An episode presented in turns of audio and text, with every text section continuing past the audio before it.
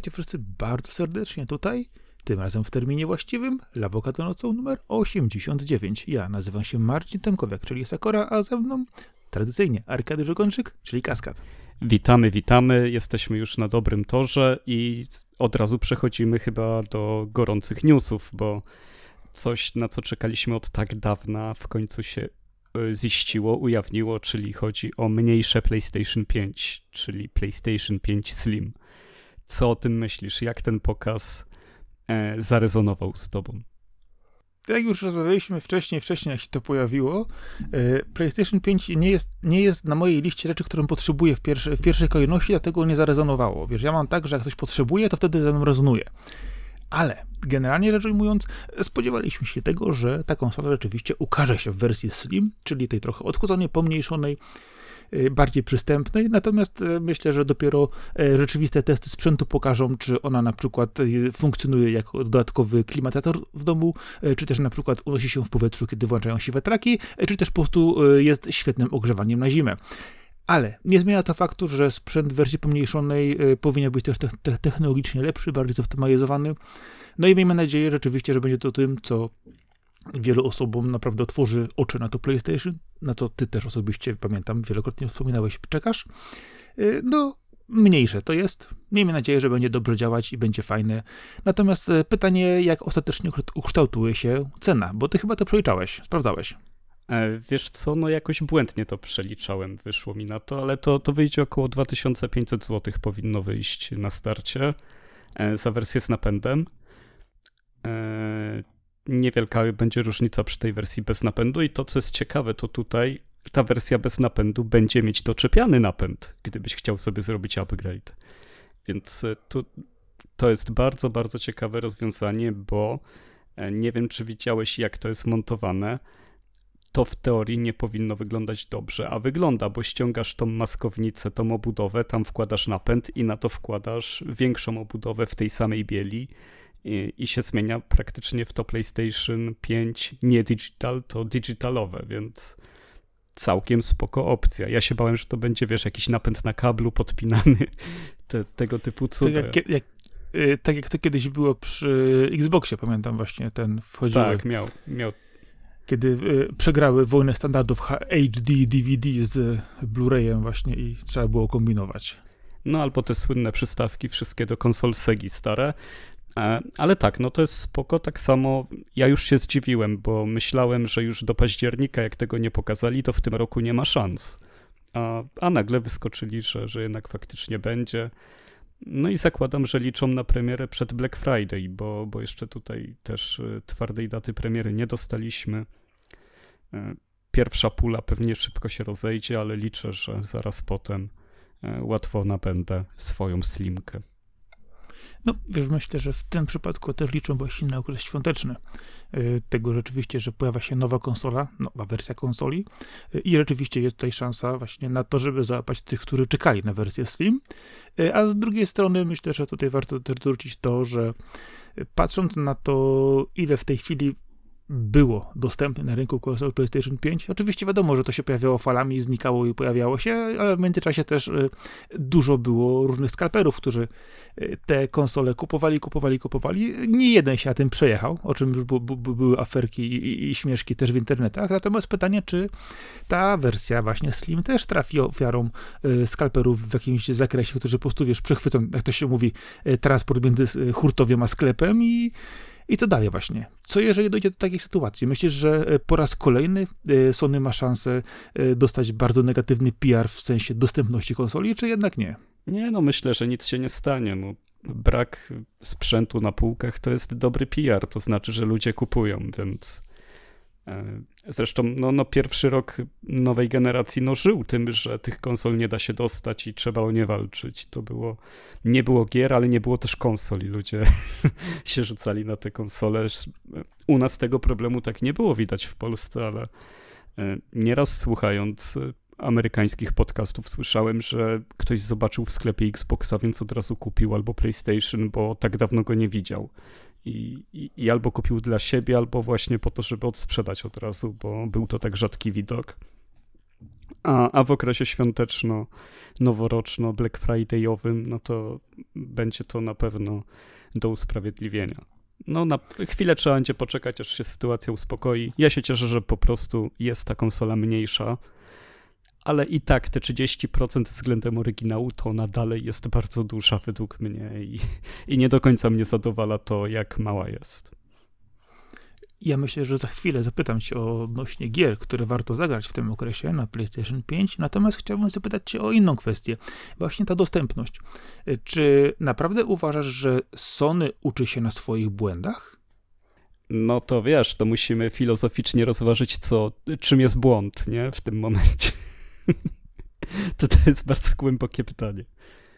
O, o, co ci chodzi? Właśnie, o jaką sytuację? No właśnie chcę, chcę wiedzieć, w jaki sposób to, to, to rozumiesz, jak do tego podchodzisz. Czy to rzeczywiście jest coś oczywistego dla ciebie, że mają y, problem z dystrybucją, czy, czy nie? Czy to po prostu jest celowe działanie, żeby ludzi wyhypować?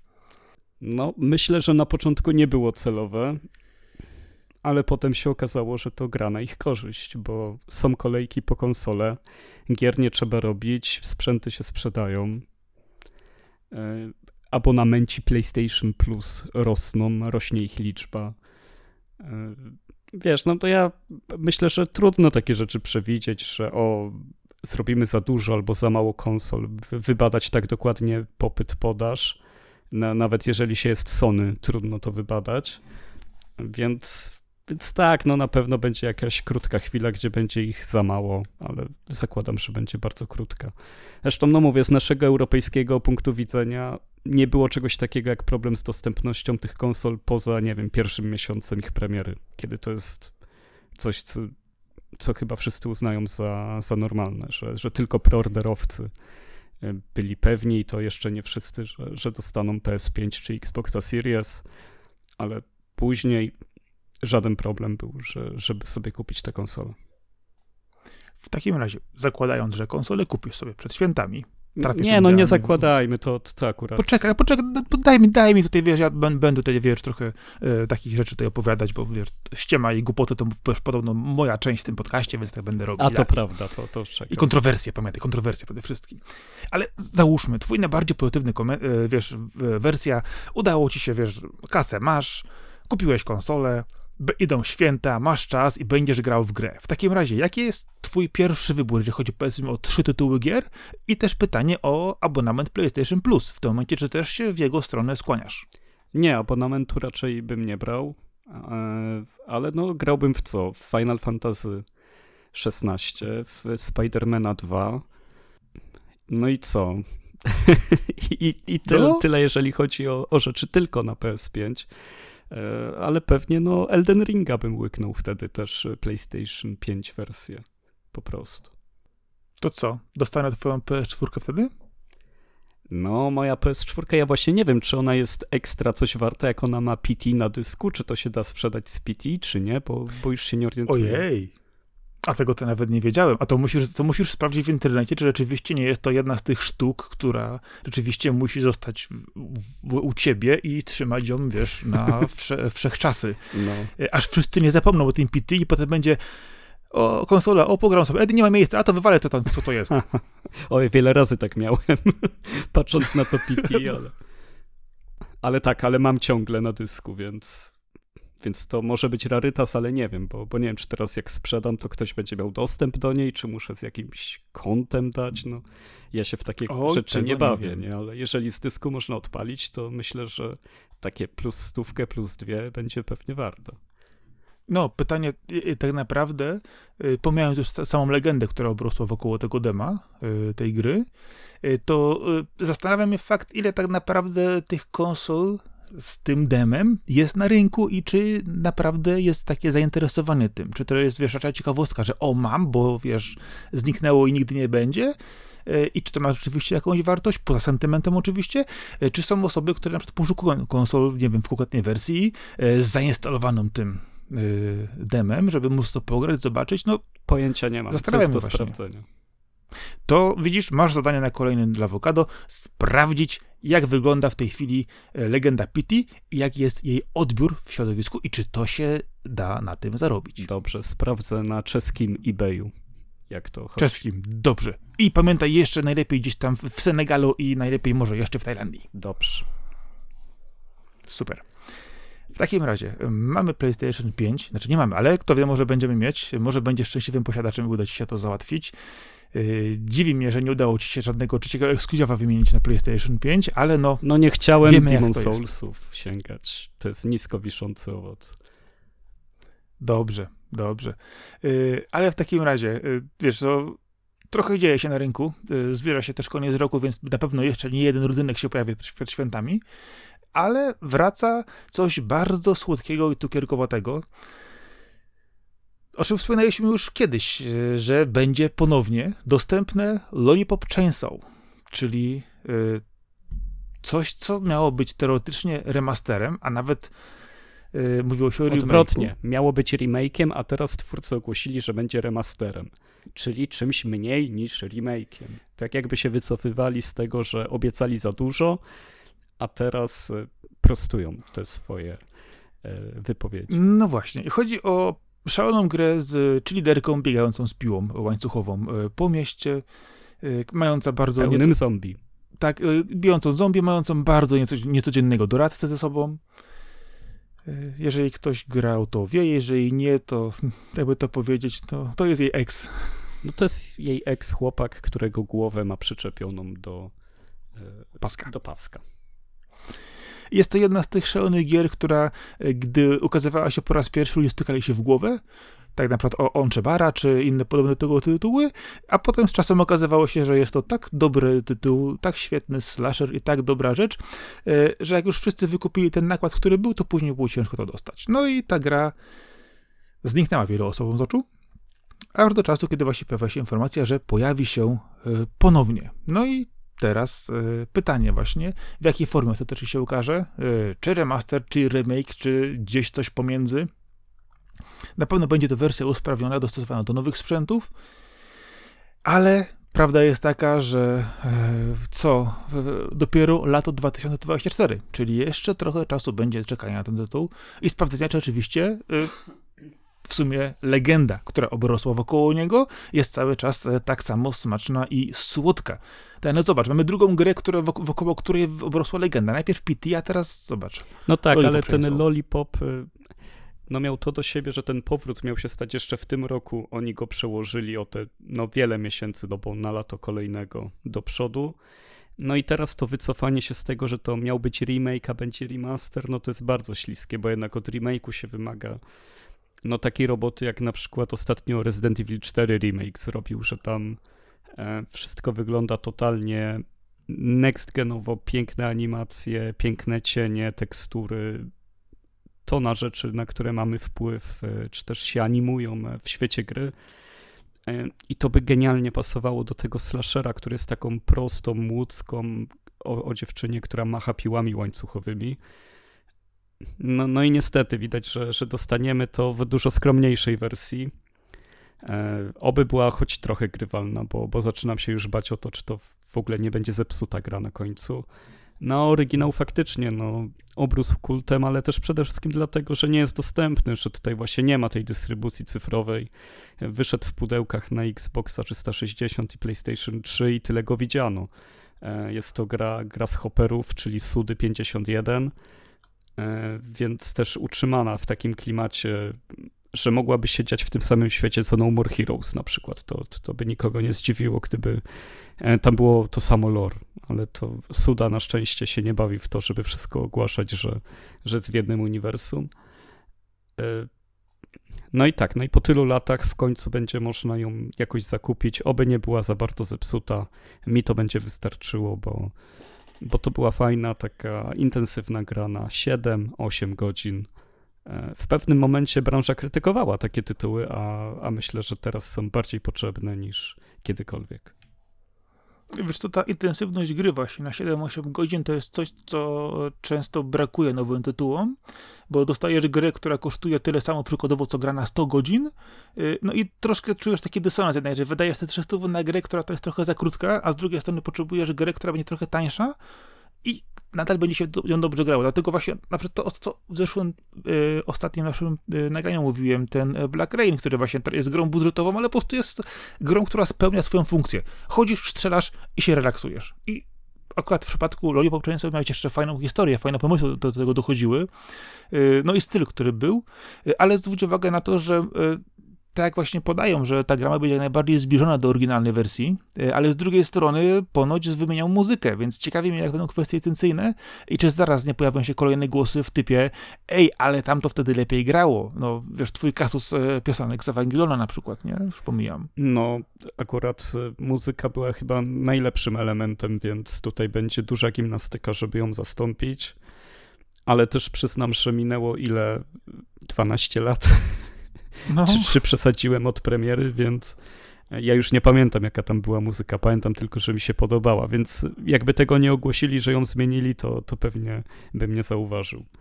Ale gwarantuję ci, że niezadowoleni gracze, którzy wyszukują tylko wszelkich możliwych potknięć, różnic i czegokolwiek, do czego można się tylko przyczepić, na pewno by zmontowali odpowiednią ilość filmików, gdzie pokazaliby, co się zmieniło i jak bardzo, wiesz, ten feeling gry jest nie tym, co było kiedyś i to już nie jest ich gra i oni są bardzo obrażeni.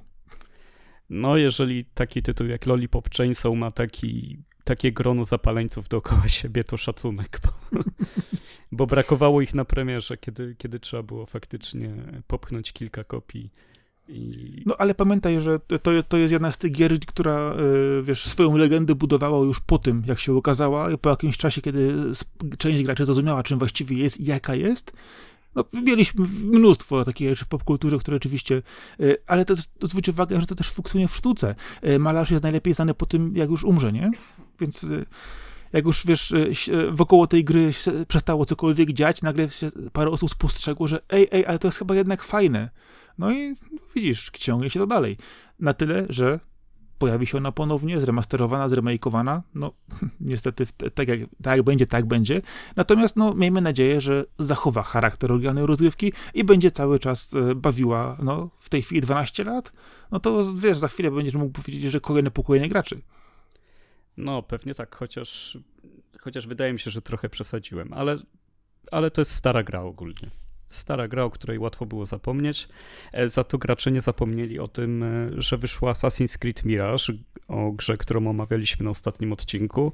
I wracam do niej dlatego, że Ubisoft nie pochwalił się liczbami, ile się tej gry sprzedało, ale powiedział, że liczba graczy, którzy e, sięgnęli, czy też ustawili się po Assassin's Creed Mirage, to, to jest ten sam poziom co Origins czy Odyssey. E, pominięto Valhalla, która była największym w ogóle launchem w historii serii Assassin's Creed, ale jeżeli Mirage jest sprzedażowo na poziomie Origins i Odyssey, przynajmniej w okresie premiery, no to jest to gigantyczny sukces, bo trzeba przyznać, że technicznie I, I też samym pomysłem jest to gra dużo skromniejsza od tych trzech ostatnich, zrobiona dużo niższym sumptem, żeby sprawdzić, czy powrót do klasycznego asasyna jeszcze się opłaca, ale sprawdzić to też, no. Nie, nie chcę nikomu zarzucać braku wysiłku, ale, ale tam jest dużo dróg na skróty, których nie powinno być w takiej produkcji, a jednak się znalazły. No i co? I tak sukces, czyli jednak e, to wyczekiwanie na Assassin's Creed to jest nie tylko coś, co mnie męczyło. E, trzy lata bez asasynów to dla mnie było długo i z przyjemnością sięgnąłem. Może nie wystawiam tej grze mega pozytywnej oceny, ale dla mnie, jako dla mnie, tylko i wyłącznie, no to spoko zabawa z, ze skakaniem w siano w fajnym miejscu. No i co to będzie dalej oznaczać? No bo trochę tych asasynów się robi czy takie mniejsze będą miały też rację bytu? Oby miały. Znaczy, wiesz co, to jest też ta kwestia, o której wspomniałeś przy Lollipop, że szukamy też e, krótszych gier, trochę bardziej intensywnych. Wiadomo, że Assassiny Science w sobie zawsze były duże. E, nawet te e, starsze odsłony, które były bardziej nowe, nie były open worldem. Ja powiem ci, że przez te ostatnie powiedzmy dekadę, gdzie open worldy jednak rządziły na rynku tego typu gier, bardzo dobrze mi się do nich podchodziło, grało i widziałem jak rosły, ale w pewnym momencie już czułem autentycznie przesyt, że ilość zadań na mapie, czyszczenia różnych lokacji, rzeczy i rozmywania się często też też całej, samej fabuły, już powodowało mnie takie duże zmęczenie, więc myślę, że e, na pewno przyjrzę się bardziej jeszcze temu e, Assassin's Creed Mirage, A to, co właśnie mówisz, że badają rynek, patrzą, w którą stronę można z tym pójść, e, to jest też głosu, też nie, nieraz słyszę różnych graczy, że e, brakuje dobrych singlowych gier, które nie będą, wiesz, e, udawać gier multi, bądź też gier z otwartym światem wielkim. Oczywiście to jest kwestia osobista graczy, ile czasu spędzić z grą, w jaki sposób rozgrywki mu odpowiada, ale jednak wydaje mi się właśnie, że brakuje dobrych singlowych gier w tym segmencie AA, które rzeczywiście kładły bardzo mocno w szale właśnie i wagę do e, tych rozgrywek fabularnych i gamingowych skierowanych do pojedynczego gracza. Wiadomo, tego typu gry e, są droższe w produkcji, e, krótszy jest czas też obcowania z tą grą ostatecznie, jest ona bardziej skondensowana, w którą drogę pójdzie e, teraz Ubisoft, dopiero zobaczymy.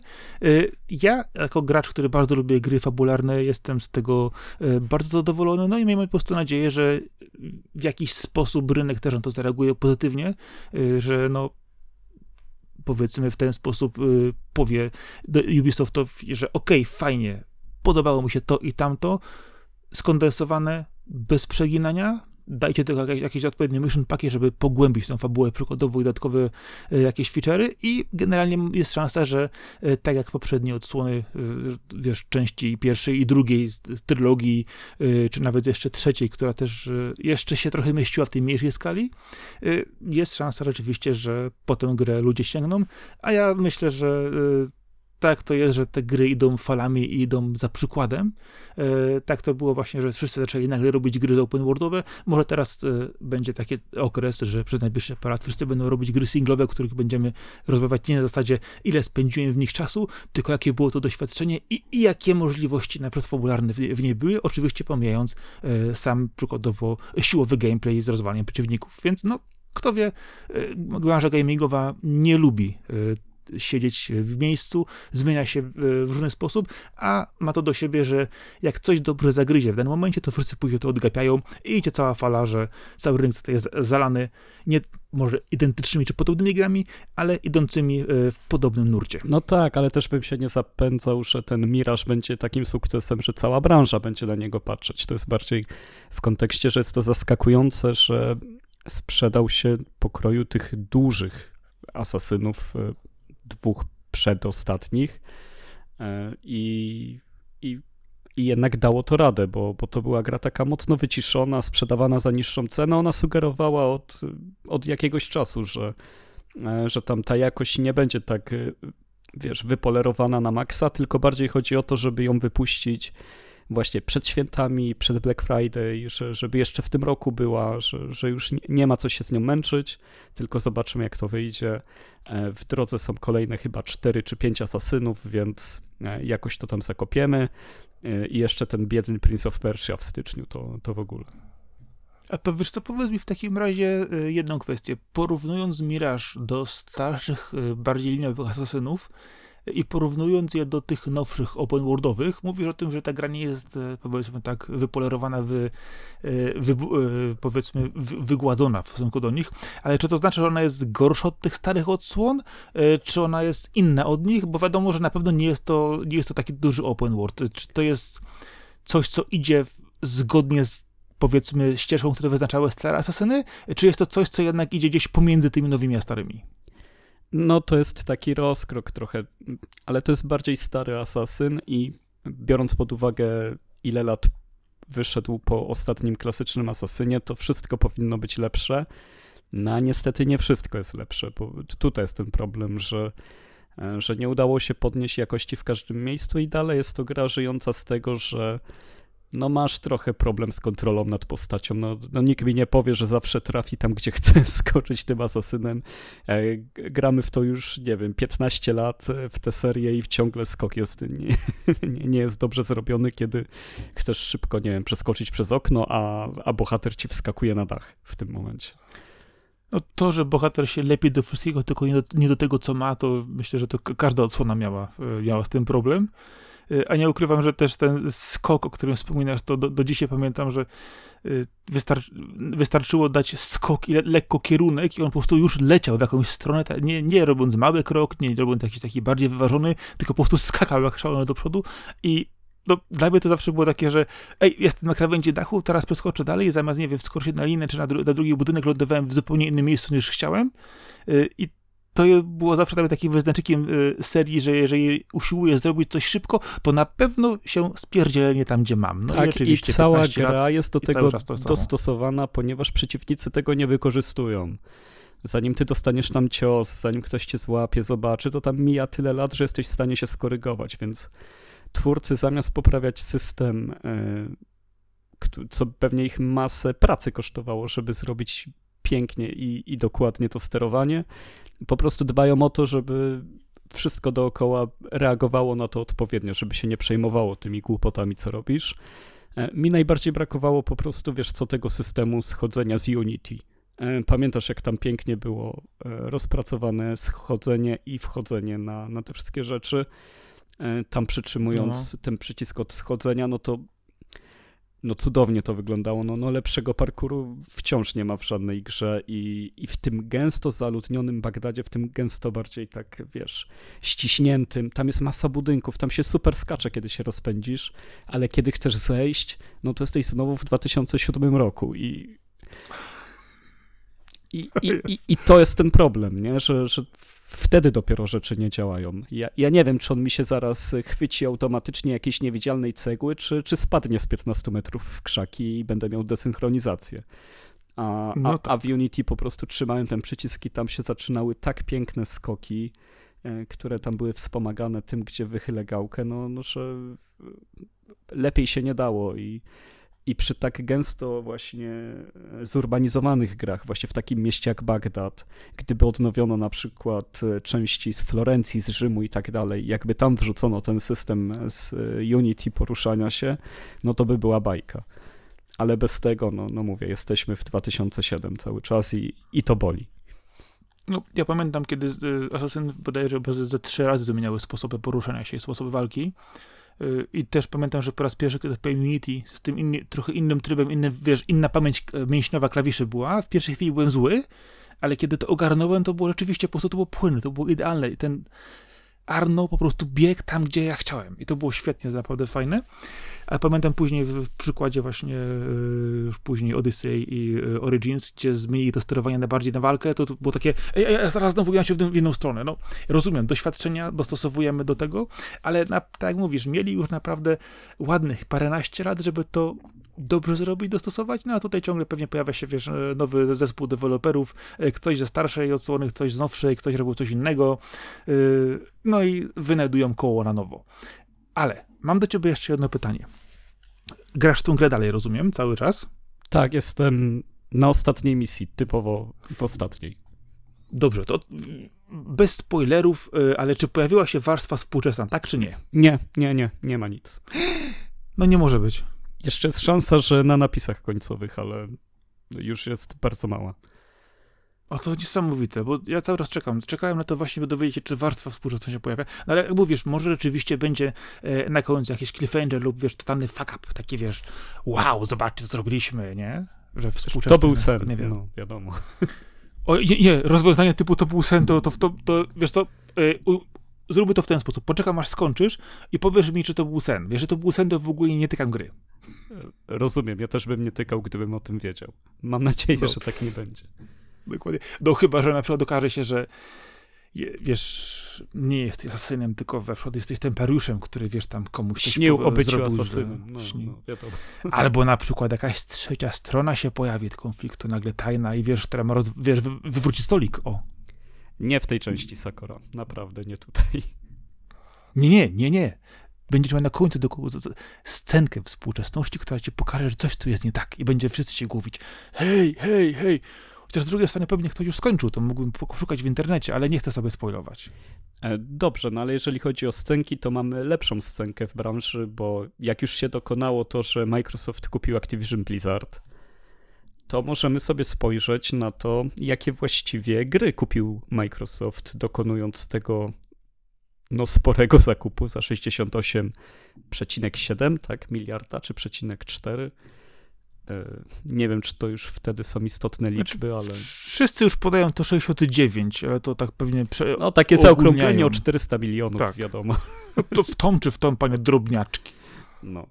E, no więc cóż, no spójrzmy na tę listę, no bo to znaczy, że oczywiście mają Call of Duty, mają Crash'a Bandicoota i, i tu jestem ciekawy, czy, no bo o ile Call of Duty mamy potwierdzone, że on pozostanie multiplatformowy, to czy Crash Bandicoot y, Myślę, że to nie byłoby jakaś duża strata dla Microsoftu, że zablokuje go na innych platformach, a duży zysk, że Crash byłby nagle tylko Xboxową marką, gdyby, gdyby zaczęli myśleć na zasadzie, jak sprzedać Xboxy. Może powinniśmy mieć fajną platformówkę 3D. Znaczy, wiesz, w przypadku tych dużych, najbardziej znanych tytułów, to myślę, że Y, jest szansa, że będą z nich korzystać, a najbardziej. Y, I to, w jaki sposób to rozegrają, to może być tylko i wyłącznie kwestią albo prestiżu, albo zysku. Prestiżu w sensie, że mamy tylko my tę grę, jest ona u nas, albo zysku, że wypuszczamy ją dla każdego i zarabiamy my na tym, jako e, dojąc konkurencję. No więc pytanie, w którą stronę pójdą, bo to nie, nie, nie dojdziesz do tego. Różne tytuły pojawiały się w różny sposób na różnych platformach, z różnych powodów, w różnych odstępach czasu, więc no, trudno mi to określić, e, co w ich głowie siedzi. W celu, w celu maksymalizacji zysku to musieli po prostu sobie przejrzeć, gdzie zarobią więcej, czy dając to na wszystkie inne platformy jeszcze, czy tylko trzymając to u siebie. No ale to w tym momencie, wiesz, nie mam tego Excela, więc nie jestem w stanie na to odpowiedzieć. No i wiadomo, że mają jeszcze Diablo, ale mają też Gabriel Knight na przykład dzięki tej. Właśnie, tak, ale wiesz co, takich, takich tytułów trochę starszych, tu jest więcej. Znaczy, ja Gabriel Knighta w ogóle uwielbiam jako seria, jest fantastyczna, niesamowita. E, miała się ukazać kiedyś czwarta część, były pewne projekty, ale to gdzieś tam umarło w międzyczasie. E, pokazała się odświeżona wersja też jedynki. E, gdzieś był fanowski pakiet tekstur do trzeciej, to też gdzieś umarł. No i ta gra, myślę, że wiele osób o niej, o niej zapomniało. Dla mnie to jest cały czas seria w top 3, jeżeli chodzi o moje gry fabularne. Ale zobacz na przykład, mają też Gun, którym też wspomnieliśmy nieraz, z którym też można by coś zrobić. E, mają Heavy Gear. Dla mnie te mechy w swoim czasie były niesamowite. Bardzo fajnie się to doszło. E, zwróć uwagę, że jest też Heretic. E, to jest gra, którą ja jeszcze pamiętam, grająca na starych, dawnych PC-tach w demo, które chyba przechodziliśmy z kolegami ileś razy, znając po prostu tą grę na pamięć. Ale z drugiej strony na liście jest też Interstate 76, panie. Czy grałeś w ogóle kiedyś ten tytuł? Tak, oczywiście. Ja, powiem, że ja, mia, ja, ja, ja miałem oryginał na płytach jeszcze.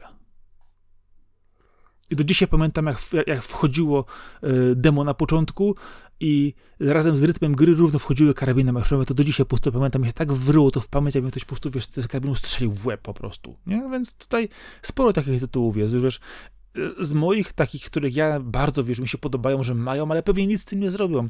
E, Sławna Fantasmagoria. To jest gra, wiesz, która też jest obrosła w legendę. E, gry full motion video z dawno, dawno temu wydawane. Ale też zobacz, Prototype, Singularity, no, Soldier of Fortune. Kurczę, te marki wróciły do E, pierwszej ligi, bo zwróć uwagę, że naprawdę Soldier of Fortune też ukazała się kolejna części, bodajże dwie, które były gorsze od e, poprzednich masakrycznie, bardzo budżetowe.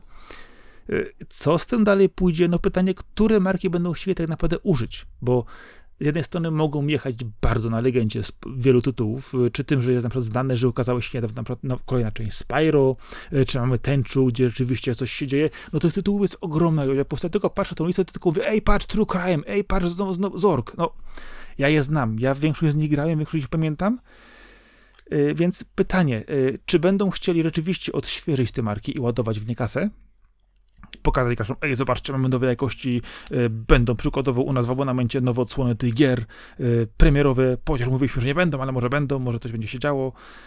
Czy będą chcieli sprzedawać je osobno i zarabiać?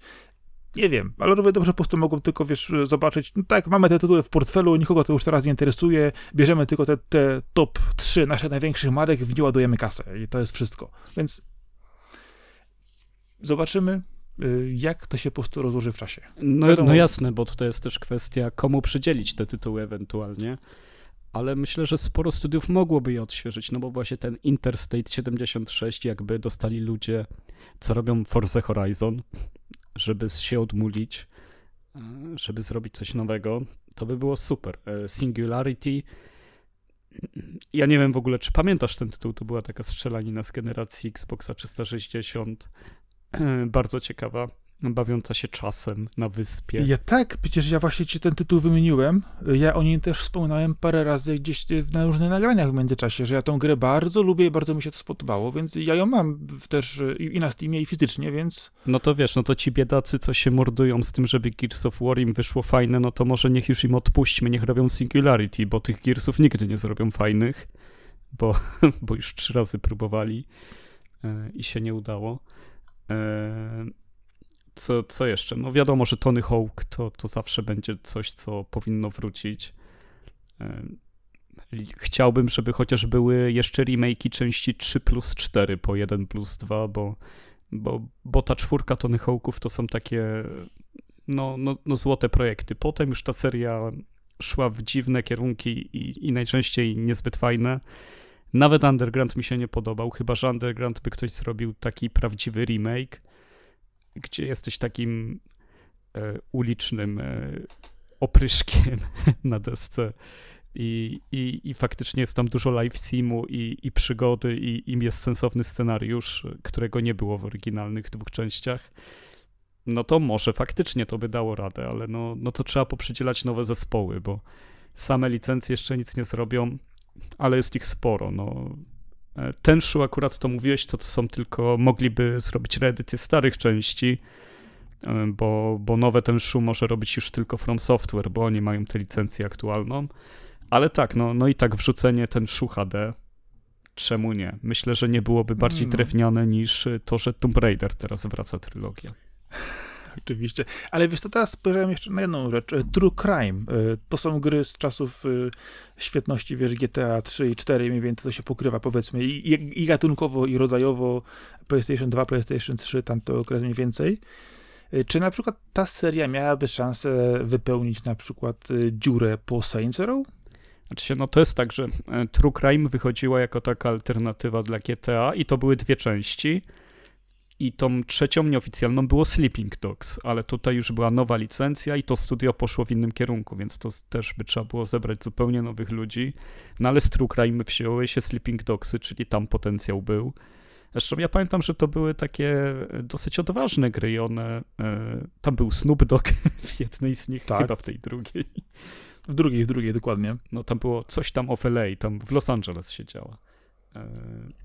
E, wiesz co, to było True Crime New York City było i True Crime Streets of LA.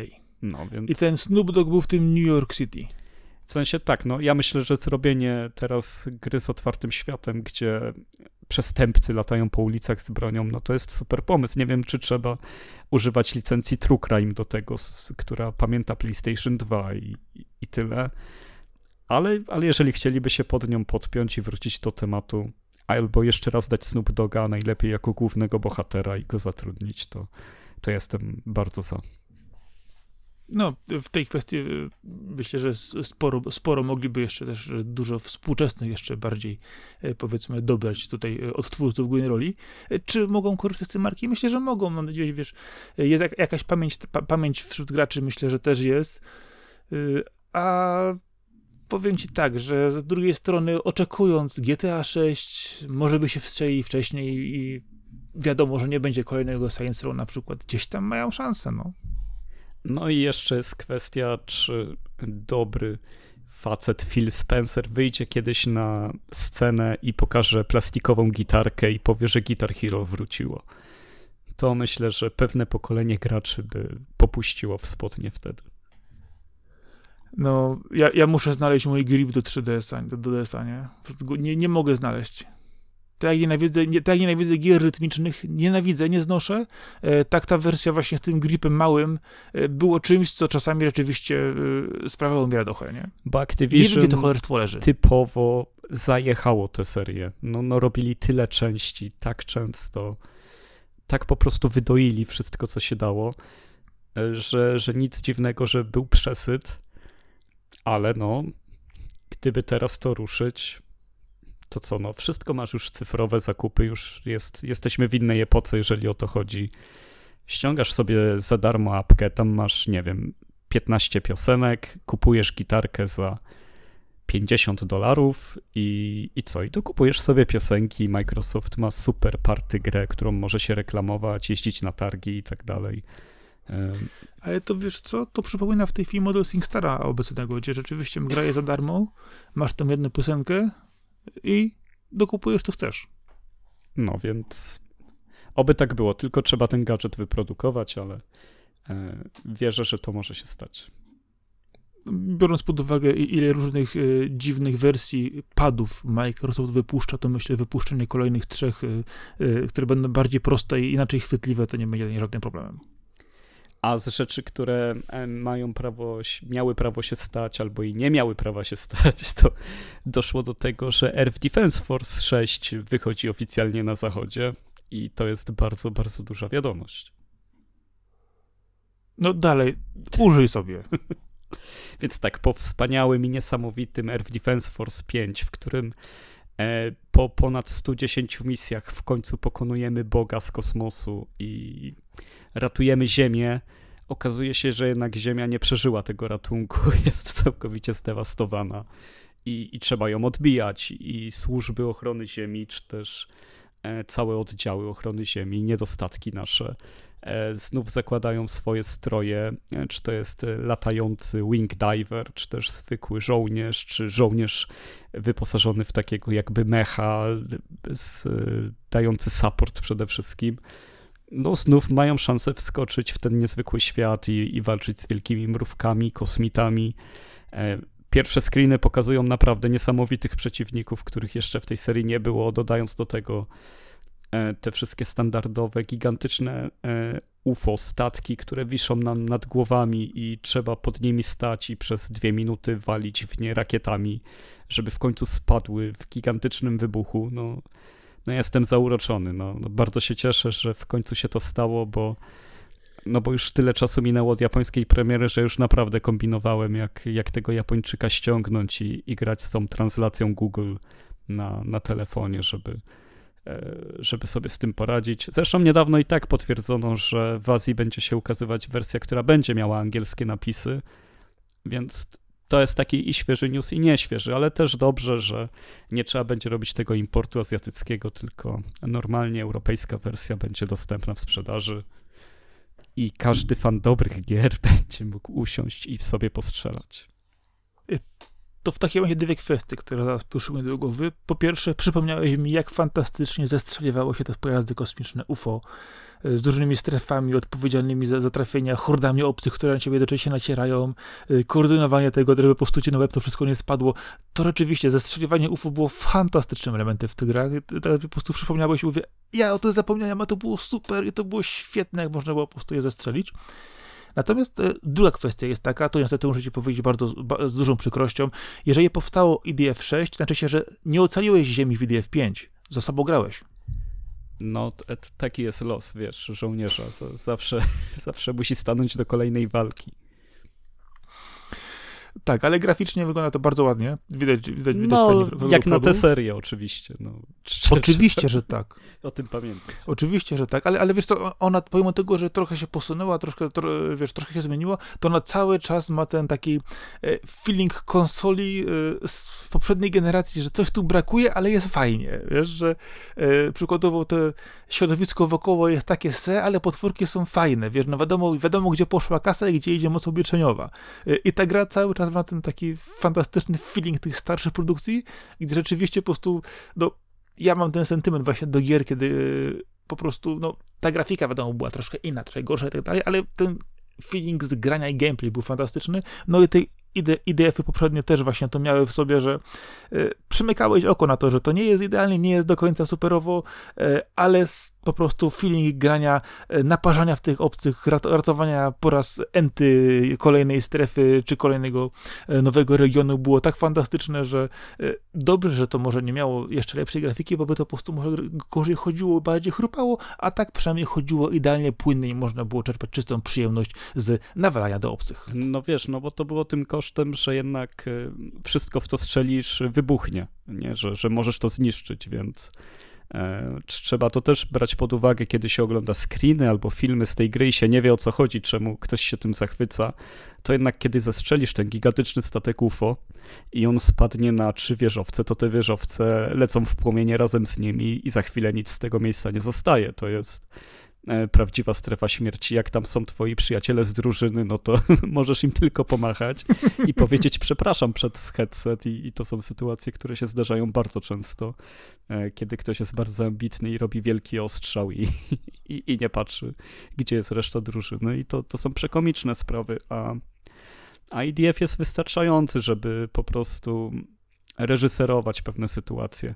E, w piątce jest na, na początku jedna z pierwszych misji jest taka, że przechodzicie przez wąwóz. No i to jest oczywiste, że otaczają cię wielkie góry i z tych gór nagle zaczyna schodzić takie stado mrówek, pięciometrowych mrówek, które są no czerwone, agresywne, plują, skaczą, wszystko robią. A ty, no, no cóż, no, no masz tą bazukę i ładujesz w te góry, patrzysz jak tam one spadają na siebie, podpalają się. No.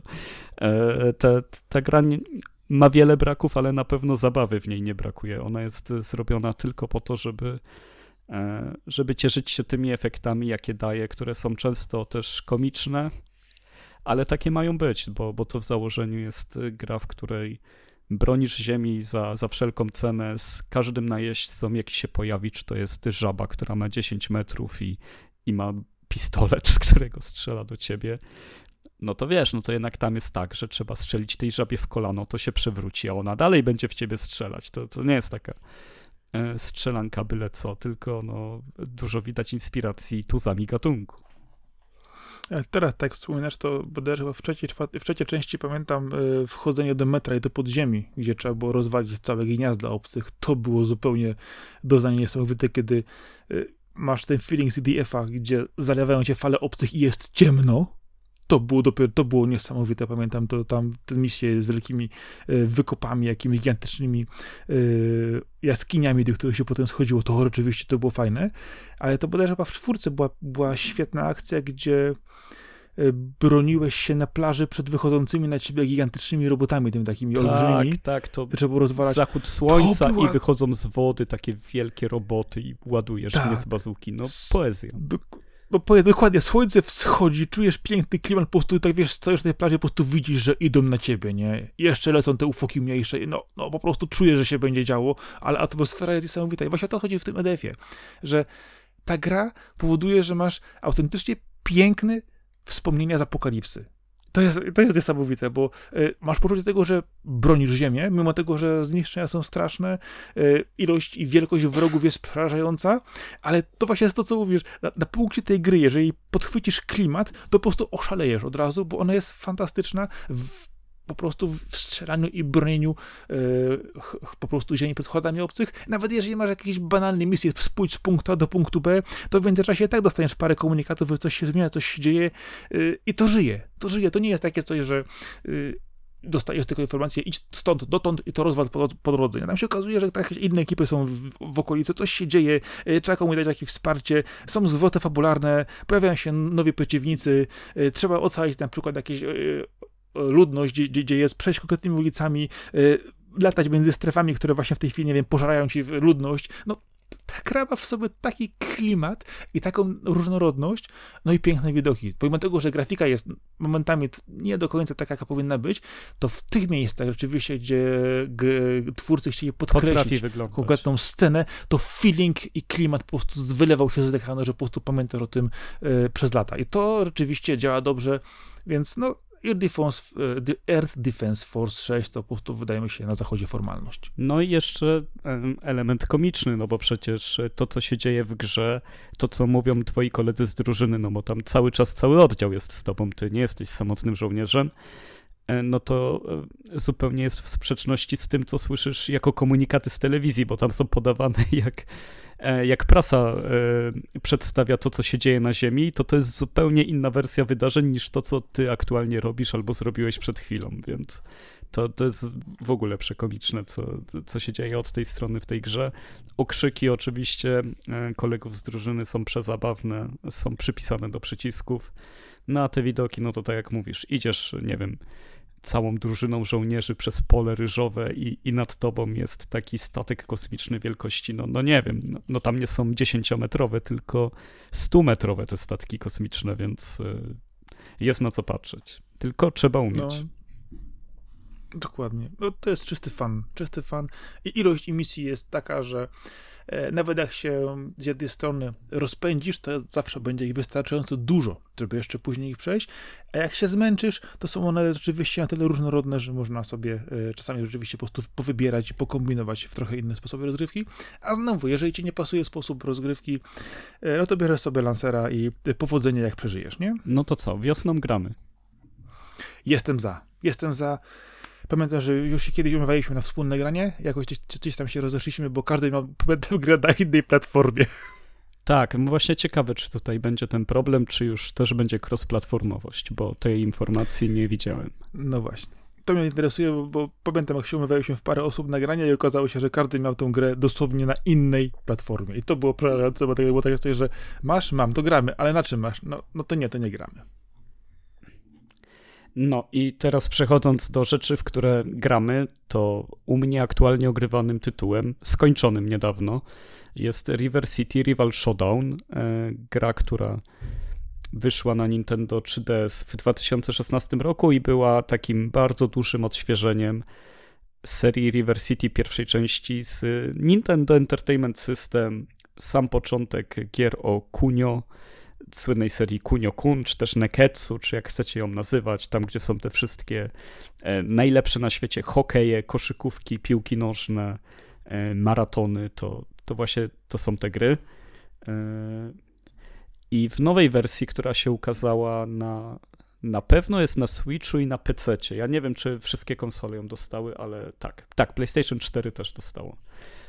To, to teraz mamy nieco odświeżoną grafikę, ale tylko tak, żeby dobrze pasowała na lepszych, nowszych, większych wyświetlaczach.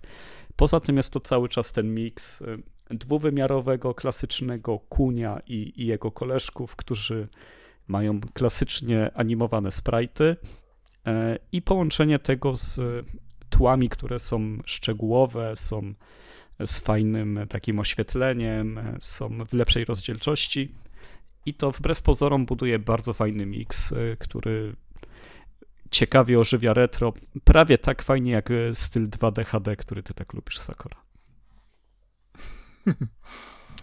Wiesz, y, nie ukrywam, że o Kunio wspominałeś już wielokrotnie ale powiedz mi, jak ta część wygląda na tle innych? Jest to to samo? Jest to jakaś innowacja? Jest jakaś drastyczna zmiana? Czy jest to cały czas dokładnie to samo, tylko w innej oprawie? Wiesz co, no w pewien sposób to, to jest cały czas klasyczny Kunio, ale mogę od razu powiedzieć, że jest to mój ulubiony, że właśnie Rival Showdown to jest ta moja ulubiona część całej franczyzy Kunio-kun, więc e, tutaj ja się odnajduję bardzo dobrze, bo e, tutaj mamy e, płynący czas w real time, więc mamy tak naprawdę gra trwa 3 dni i każdy dzień jest podzielony na poranek, wieczór i noc i w każdym z tych momentów y, dzieją się inne rzeczy na mapie, chodzimy w inne miejsca i to jest gra właśnie o, o tym, żeby odkrywać te wydarzenia na mapie, żeby po niej krążyć, żeby szukać sposobów na to, jak y, e, nabić sobie pieniądze albo doświadczenie, albo pójść na, e, na salę ćwiczeń, gdzie są bracia w tygrysich maskach i oczywiście pojedynkujemy się tam. E, żeby dostać się do klubu dla dorosłych albo dostać się do miejsca, gdzie są gigantyczne kolejki po ramen, bo jest najlepszy ramen w okolicy. E, chodzimy po sklepach, gdzie są ciuchy, które lubią chuligani z miejscowych szkół i w ogóle kręcimy się dookoła tych szkół, żeby, e, żeby no, dać w zęby chłopakom, którzy tam chodzą i rozrabiają na naszym terenie, bo, bo to zawsze jest ten delinquent genre, ten gatunek mangi, anime, gdzie nie wiem, czy to jest wymyślone, bo wydaje mi się to całkowicie wymyślone, że, tak, że to nie jest związane z rzeczywistością, ale a może jest to na faktach, że, że licealiści w Japonii lubią e, urządzać sobie bójki między szkołami i, i walczyć o miano tego, kto jest najtwardszy. W każdym razie e, w tej fantazji jest zatopiony Kunio, więc e, pojedynków tutaj na kopniaki i pięści nie brakuje, ale też rozwoju postaci, odkrywania scenariuszy. No i naprawdę doświadczenia bardzo, bardzo pięknych miejsc, bo, bo one super się prezentują.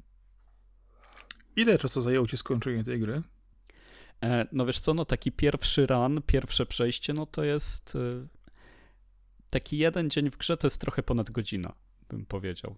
Ale możesz przyspieszać ten czas, tylko ja, ja jechałem na maksa, bo, bo są miejsca, gdzie po prostu, jeżeli nie chcesz już, żeby było popołudnie, tylko żeby przeskoczyć na, na noc, to, to sobie przyspieszysz czas, ale, ale ja tego nie robiłem, więc y, ponad 3 godziny takie, ale potem się zaczyna od nowa, bo e, no bo kolejne rzeczy się dzieją, bo, bo nie da się wyczyścić wszystkiego od razu. Poza tym przenosisz swoje doświadczenie, e, jesteś od razu silniejszym kuniem, bo, bo tutaj na początku te walki, kiedy zaczynasz, to dwie, trzy pierwsze, no to na pewno przegrasz, a to są fabularne wydarzenia i one się toczą tak, jakby się przegrał.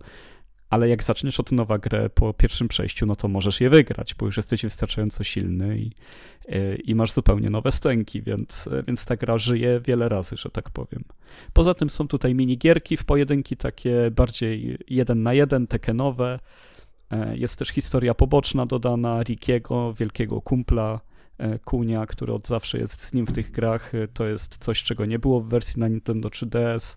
E, można chodzić jego śladami, zobaczyć, co się działo z nim, kiedy my rozrabialiśmy, więc to jest taka gra na 3 godziny, ale przejście jej jeden raz to jest dobre doświadczenie, sycące, ale warto jeszcze raz przynajmniej ją odpalić. Próbować też na innych poziomach trudności, no bo E, na początku nie możemy wybrać innego niż łatwy. Żeby wejść na normal, to tam też się odkrywają nowe wydarzenia.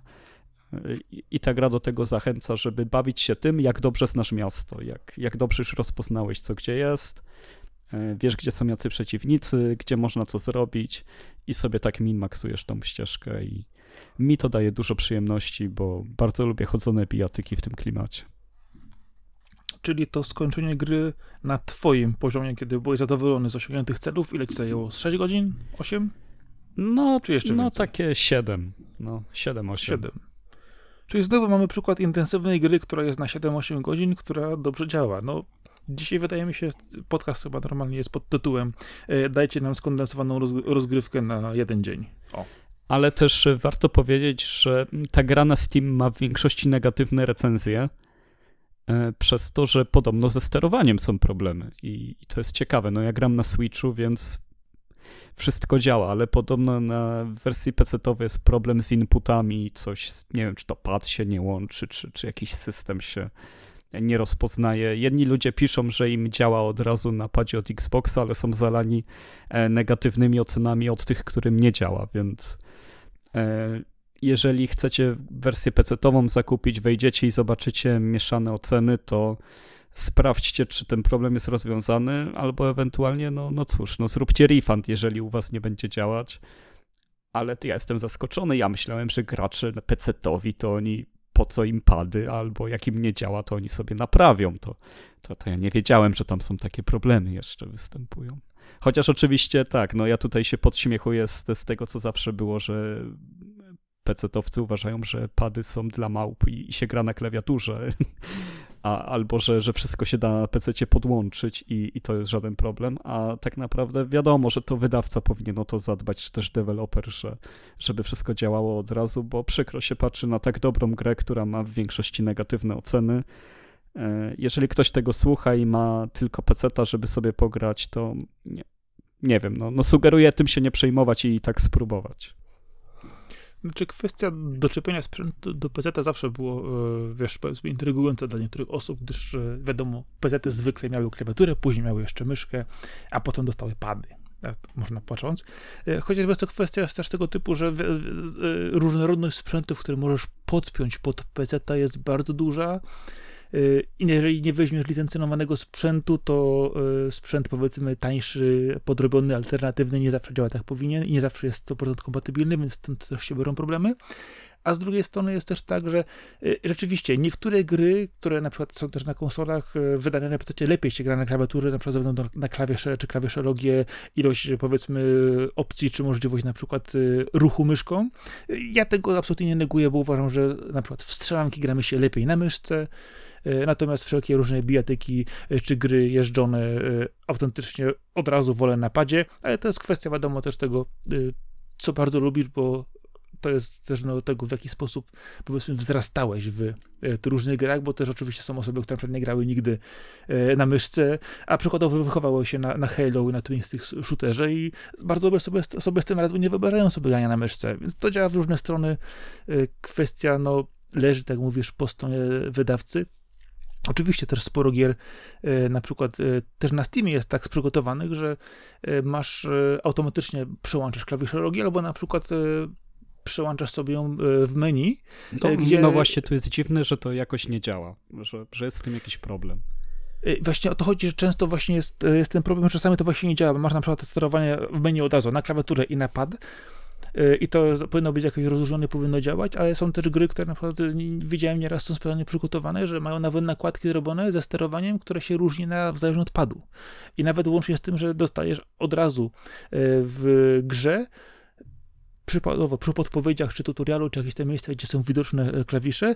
Jeżeli grasz na klawiaturze, masz klawiaturę, grasz padem e, z PlayStation, masz oznaczone z PlayStation, grasz padem z Xboxa, masz oznaczone z Xboxa. Ale to właśnie, tak mówisz, to wymaga odpowiedniego podejścia od wydawcy i dewelopera, który o to zadba. I musi pamiętać też o tym, że y, zależy od tego, jaki sprzęt jest podpięty, czy na przykład będzie to jakiś generyczny sterownik, który obsługuje wszystko w każdy możliwy sposób i będzie dobrze działać, czy na przykład źle zaimplementowano obsługę różnych padów i okazuje się, że coś nie styka, na przykład na sprzętach licencjonowanych, bądź też jednego czy drugiego e, producenta. No i to właśnie to, co mówisz, e, odczucie e, z daną grą i to, że dostaje ona minusowana, może na to bardzo mocno wpłynąć. No to jest mm, ciekawe, że właśnie przy takiej grze wyszedł taki fuck up, jakby nie wiem, czy u nich jakimś cudem po prostu działało, więc tak wypuścili, bo, bo to są pecety, więc mogło tak być. A albo, albo nie dopilnowali tego, no bo bardzo dziwna sprawa, więc e, tutaj zapalam czerwoną lampkę, jak ktoś widzi tam w większości negatywne oceny.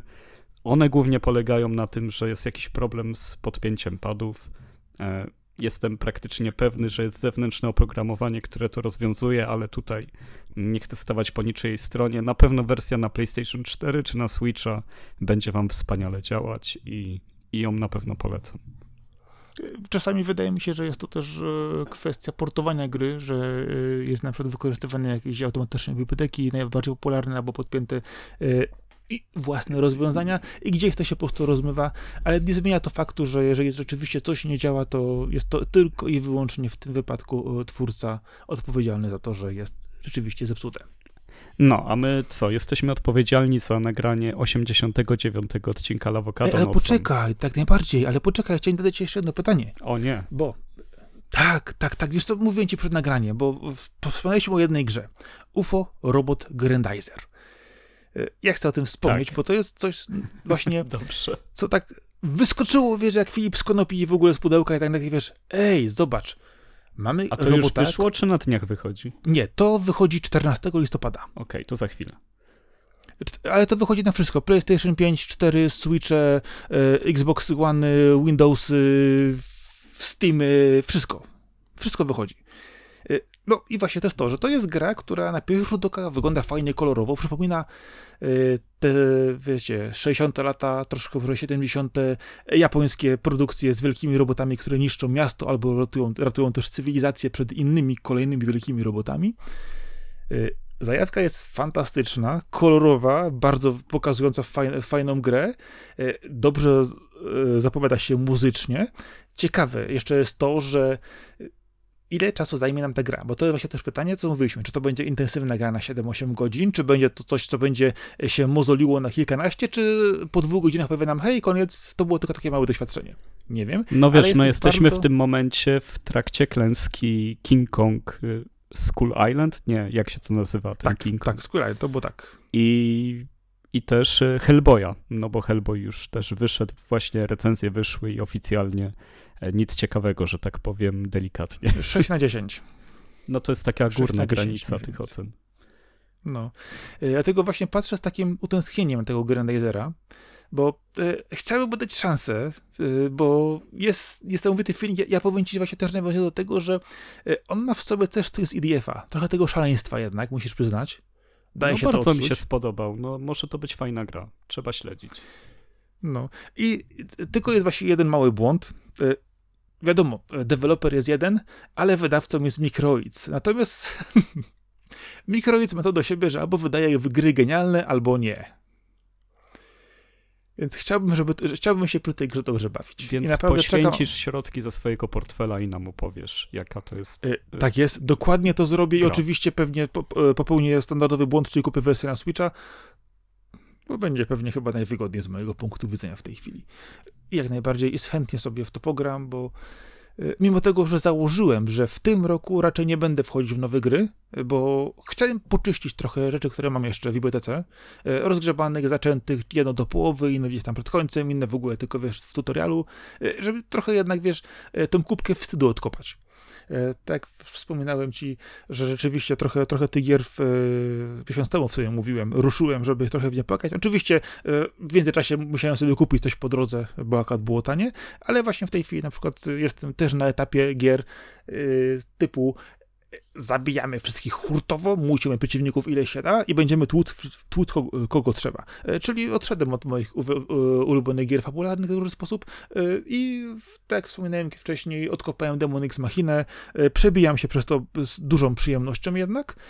I druga rzecz, z którą już też rozgrzebałem dużo, dużo wcześniej, czyli Fire Emblem Warriors, wersja, tytuł Three Hopes, czyli gra, która notabene jest młódźką straszną, e, ma ambicje scenariuszowe na e, wielką dramę, ale ja po prostu autentycznie przewijam dialogi już e, na tym momencie, tylko czekam, żeby... Dobrze. Już, już, już, już po prostu pokonało mnie, pokonało mnie ilością, chociaż nie ukrywam, Mercedes jest świetna, mm, dziękuję, koniec, koniec kwestii, ale autentycznie to są takie tytuły właśnie, gdzie masz dobry system walki i dostajesz ściany tekstów i ja po prostu w pewnym momencie już stwierdzam, że no kurczę, jest fajnie, ale do pewnego momentu, potem już po prostu wymiękam je, tylko wiesz, patrzę na, w kluczowych momentach, y, jaką podjąć decyzję, bo mam już tego dosyć. No tak, no. to są gry, które pięć razy to samo ci mówią, no. Nie da się no. inaczej ale fajnie się, fajnie się w nie walczy, fajnie się, fajnie się napierdziela. Jestem właśnie w tej chwili na etapie e, gier, których rzeczywiście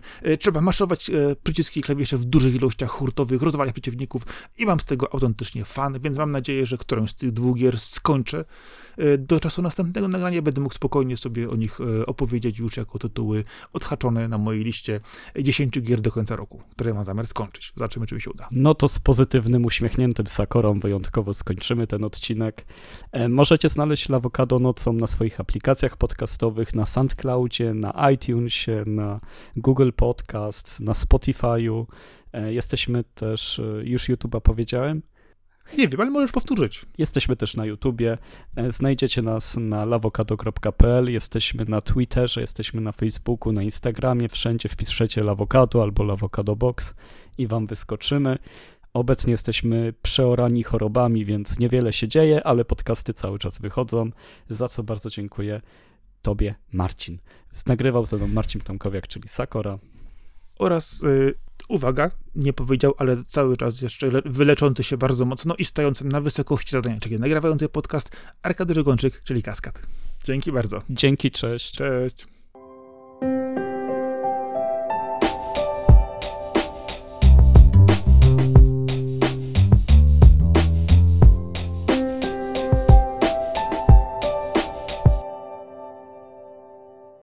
Wiesz co. Będę, będę mieć na weekend. składać. Będę składać to i będę składać chatkę na ogór jeszcze. Składanie chatki na ogrodzie to będzie dopiero zabawa. No. A wiesz co. No. No ale recenzje też mogą być takie, no. Wiem, też musi wiem. trafić na dobrą osobę, nie? Albo na złą. Albo na złą, więc. A wiesz co nie wiem, może u mnie środki przeciwbólowe tak wyszły, że ja dostałem lekkiego, wiesz, hihi. A, wiesz co... No coś ty. No. Szósta fala? No chyba. Puch, masakra. A, wiesz co... No, to jest, ja, to, to jest ta jesień. Jesień, wiesz, zawsze Dlatego powoduje, lato że... Ty... jest tak ważne na awokado.